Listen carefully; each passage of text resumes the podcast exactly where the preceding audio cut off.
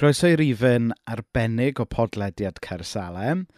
Jyst gadwch chi wybod beth sy'n digwydd gyda'r coronavirus. Yn anffodus, mae rhaid i ni ganslo yn holl cyfarfodydd cyhoeddus, grwpiau tŷ, ser bach a phopeth felly. Ac felly dros yr wythnosau nesaf byddwn ni yn darlledu mwy o bethau ar y podlediad fel hyn. Byddwn ni'n neud webcast byw ar Facebook pob bore di syl a byddwn ni'n trio trefnu rhyw fath o gyfarfodydd ar Skype a falle bobl um, rhannu a gweddio gyda'i gilydd hefyd. Ond podcast byr iawn ydy hwn, lle mae Robin, sydd yn rhan o'n tîm arwain ni, sydd hefyd yn feddyg teulu, yn rhannu gyda ni ynglyn â be mae'n golygu i hunan ynysu trwy hyn. Felly mae hwn yn gyngor da a chlir ac ymarferol, a byddwn ni'n cynghori pawb i ddilyn y cyngor sydd gan Robin yn y neges yma. Haia, Robin Love dwi, dwi'n feddyg teulu uh, sy'n gweithio yng Ngogledd Cymru.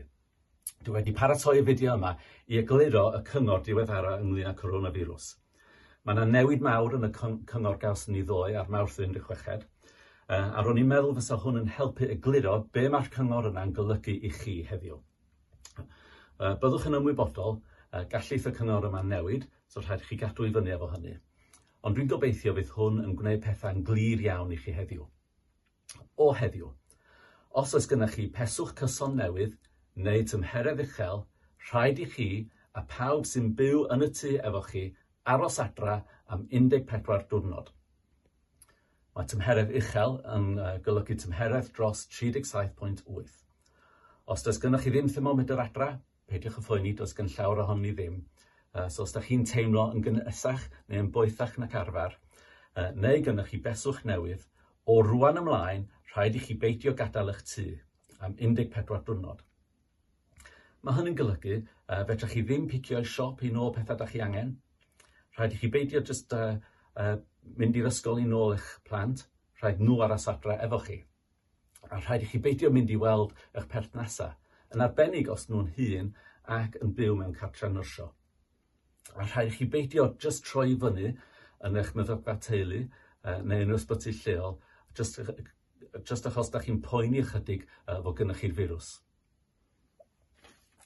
Yn ystod yr 14 diwrnod da chi'n aros adra, molchwch eich dilo yn rheolaidd fel fysa meddyg am 20 eiliad bob tro.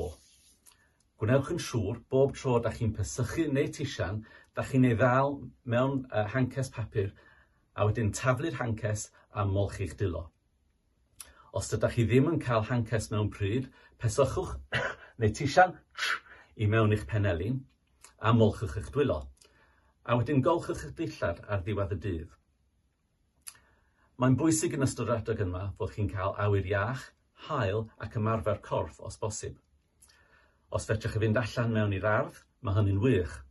Ond os ydych chi angen gadael y tŷ i gael ymarfer corff, gwnewch yn siŵr bod chi'n cadw uh, pellter saff o ddiwrth bobl eraill. Mae hynny tua 2 fedr. Rhaid ni wneud yn siŵr i yfad digon.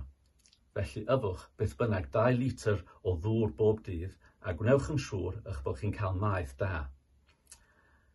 Os mae bwyta'n anodd, Ella fedrwch chi gael cawl sylweddol uh, sy'n rhoi y maeth da chi angen i, i ymladd yn erbyn y firws. Os ys gennych chi dymheredd uchel, gallwch cymwch paracetamol, dau dabled, pedwar gwaith y dydd. Uh, neu dilynwch yr cyfarwyddiadau ar y paced uh, i blant o dan deuddeg. Iawn, dwi am egluro ynglyn â galw 111. Ar ddechrau y tymheredd uchel neu peswch cyson, rhaid i chi aros adra. Ni fyddwch chi'n cael prawf am coronavirus. Mae'n bosib fyddwch chi'n teimlo mwy sal ar ôl 3 neu 4 diwrnod. Ac os ydych chi wir yn teimlo'n sal, dyna pryd ddylech chi alw nawn y 111 am gyngor. Eto, peidiwch ag alw'r ysbyty, peidiwch ag alw'r feddygfa, ac yn bendant, peidiwch â mynd i'r llefydd yna. Galwch 111 am mi wneith nhw roi cyngor clir ynglyn ac os ydych chi angen prawf coronavirus, a'r cama nesaf i chi gymryd. Dim ond galw 999 os mae'n argyf argyfwng difrifol. Ar yr amser yma, mae'n bwysig iawn ein bod ni'n gymdogion da ac yn ddinasyddion da i'n gilydd. Os da chi'n sylweddoli bod chi angen chydig o help, ella angen rhywbeth o'r siop, yna e- does gennych chi ddim paracetamol, ella does gennych chi ddim ynerth i gwcio, pam ddim textio neu ffonio un o'r teulu, cymydog, ffrind, rwy'n da chi'n gweithio efo ac egluro beth da chi angen. Gadewch i ni lapio yn gwmpas ein gilydd uh, fel cymuned ar hyn o bryd. Beth sy'n bwysig os mae rhywun yn galw chi ofyn am help? Peidiwch a mynd i mewn i'r tŷ. Rhaid i chi adael pethau wrth garreg drws. Rhaid i chi adael y siopa wrth y drws a mynd o 'na. Oni bai am hyn, fyddwn ni'n cynyddu'r risg o ledaenu'r firws i'n gilydd. Os da ni'n aros adra tra da ni'n sal ac yn cymryd y cama yma o ddifrif, fedra ni leihau effaith y firws a slofi'r lledeiniad trwy'n cymunedau. Please, please, cymerwch y cyngor yma o ddifrif. Da chi am sylwi hefyd bod ein gwasanaeth iechyd am newid yn herma be fedrwn ni gynnig ar hyn o bryd. Byddwch yn amyneddgar efo ni. Ella fydd rhaid i apwyntiadau rheolaidd wytiad. Os ys gennych chi bethod difrifol, da ni'n gweithio efo chi, mi nawn ni gario ymlaen yn gweithio efo chi efo rhain.